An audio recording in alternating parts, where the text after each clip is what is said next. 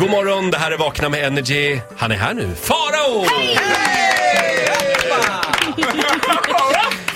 Ja, Farao, vi tänkte låta dig bestämma morgonens ring in igen. Ja, men det har blivit en härlig tradition Mm. får jag säga. Jag gillar att bestämma morgonens ring in. Vad är frågan idag? Frågan idag är så här, fanns det någonting som du var väldigt rädd för när du var liten som man inte borde varit rädd för kanske? Det går bra att ringa oss 020 40 39 00 eller skriv i Vakna-gruppen på Facebook.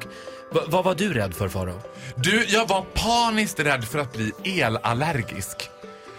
För Ja. att bli det? Ja, och jag uppfattade det också som att jag hade blivit allergisk. För vi köpte en dator hos familjen Groth och det var ju en sån här liksom riktig surr...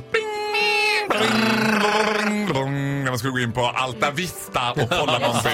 Det var back in the days, det är ingen som vet vad det här är Du, du vet att det, det finns ju olika teorier om det ens... Det är lite som laktosintolerans. Ja. Om det verkligen finns något som heter elallergi. Säg Ja. det till de som är Men i alla fall elallergiker. så satt jag där och, och vad heter det? Och mamma hade då gått en kurs på jobbet i Windows 95 så hon skulle lära mig hur man gjorde i Windows 95. Hon var väldigt exalterad. Jag var inte Inga. intresserad av datorer. Och när jag sitter, här är en sann historia, så när jag sitter där så får jag plötslig barnförlamning. Då är jag kanske 10 år. Vad hette han? Plötslig barnförlamning. Så halva ansiktet, det är som en stroke. Alltså halva ansiktet bara...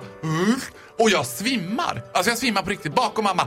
Bam! Ner i golvet. Och mamma som var ganska van vid det här beteendet på den tiden vänder sig om och säger så här. Du, jag skiter i dig. Men när hon hör jag bara... Hjälp mig! Alltså det, var, alltså det bara rann. Det var jag var helt vet, Kommer in på sjukhuset jag litar ju inte alltid på svensk sjukvård för då konstaterar de att jag har fått barnmigrän och det har artat så här. Jag är övertygad om att jag har fått elallergi. Så det året satt jag och tittade på Melodifestivalen och höll en handduk för datorn så här så att inte elallergin skulle gå.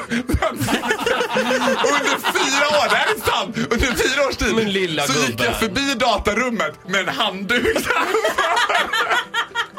jag var allergisk. Och jag var bara allergisk mot datorn i fyra års tid alltså. Jag rörde inte datorn fram till dess att jag var 14. Och nu, nu sitter du konstant ihop med din iPhone. Ja, nu sitter jag konstant ihop. Nej, jag är faktiskt ganska bra på att inte hålla på med det här. Ja, är det någon annan som har något att bjuda på? Något vi var väldigt rädda för när vi var Ja, små? alltså jag, var, jag hade problem med barnprogrammen. Mm. 70-talet, jag var barn för Ja. länge sedan. Det var tufft. Eh, Clownen Manne, jag skrek så mina föräldrar fick komma in och byta kanal, alltså till ettan eller vad Den skräcken delar du med väldigt många, just Ja. clownen Manne. Men jag fick panikångest och bara skrek. Jag tyckte den värsta var Pippi Pelikan. Jävligt Ja, obehagligt. Nej, nej, nej! Nej. Vad har jag listat som mitt favoritprogram? Pippi Pelikan, Nej. Isen och Ola. Jag älskade Pippi Pelikan. Gillar inte det. Ah. Jag var livrädd för min nattlampa dock. Det hade sån här, eh, sån, jag trodde alltid när jag vaknade mitt i natten att jag var en orm så jag s- s- liksom vevade till den där så den for alltid ner. Oj. Så vi fick byta till en sån här som står, eh, för den var äh, läskigt. 020 40 39 00 är numret alltså. Vad var du rädd för när du var liten som det egentligen inte finns skäl att vara rädd för? Saker Ja. som man inte behöver vara rädd för. Hör av dig säger vi. Faro, tack så mycket för den här morgonen. Du får en applåd av oss. Hej då!